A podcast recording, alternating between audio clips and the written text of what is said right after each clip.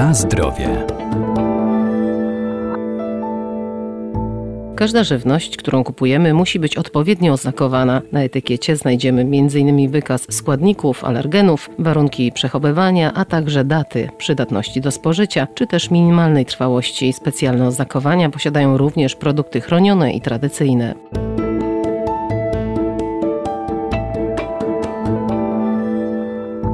Na opakowaniach znajdziemy sformułowanie należy spożyć do co oznacza, że produkt spożyty po tym terminie może zaszkodzić naszemu zdrowiu. Natomiast wyrażenie najlepiej spożyć przed informuje, że do tej daty właściwie przechowywany produkt zachowuje swoje pierwotne właściwości, ale nie oznacza też, że po jej zakończeniu od razu stanie się nieprzydatny do spożycia. Produkty mogą zawierać dwie daty, czyli datę minimalnej trwałości albo ewentualnie termin przydatności do spożycia. Lubelski Wojewódzki Inspektor Jakości Handlowej Artykułów Rolno-Spożywczych Agnieszka Jarosińska. Data minimalnej trwałości powinna być poprzedzona sformułowaniem najlepiej spożyć przed i podana data, ewentualnie termin przydatności do spożycia, gdzie powinien być e, zapis należy spożyć do. Termin przydatności do spożycia stosuje się e, do produktów, które e, mają krótki termin przydatności do spożycia. I etykiety powinny zawierać składniki, czyli wykaz składników, gdzie producent powinien zamieścić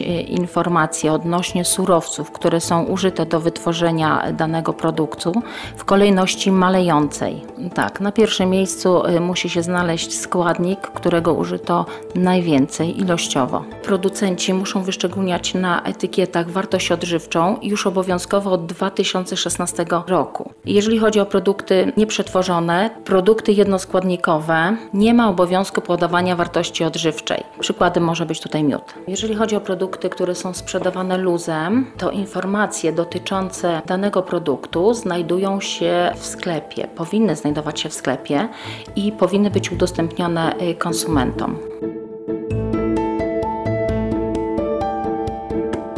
Na zdrowie.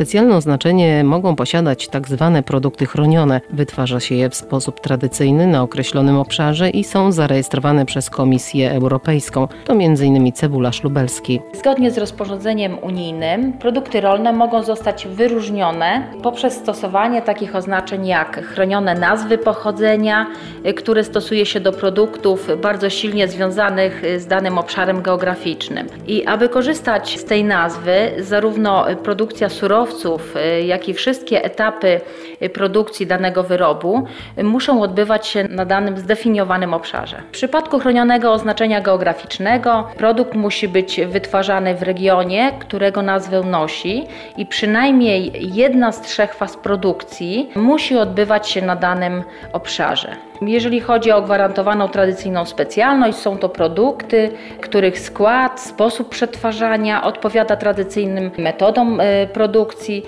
i zostały one wytworzone z surowców, które są e, tradycyjnie używane. Czyli chronioną nazwę pochodzenia e, posiada bryndza podhalańska, oscypek, Chronione oznaczenie geograficzne posiada nasz cebularz lubelski, a gwarantowaną tradycyjną specjalnością są miody pitne, staropolskie, które są produkowane na terenie naszego Lublina. Stosowanie tych oznaczeń pozwala na łatwiejszą identyfikację produktów, jak również na ochronę przed y, stosowaniem zarejestrowanych nazw.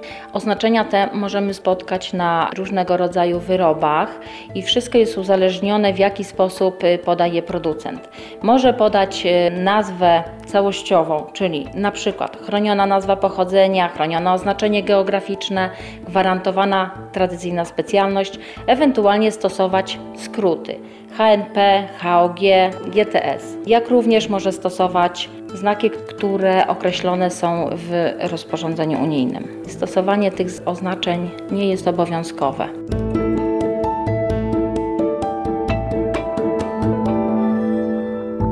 A jeżeli żywność okaże się nieświeża lub niezgodna z tym, co deklaruje na opakowaniu producent, zawsze przysługuje nam prawo do reklamacji. Składamy ją u sprzedawcy.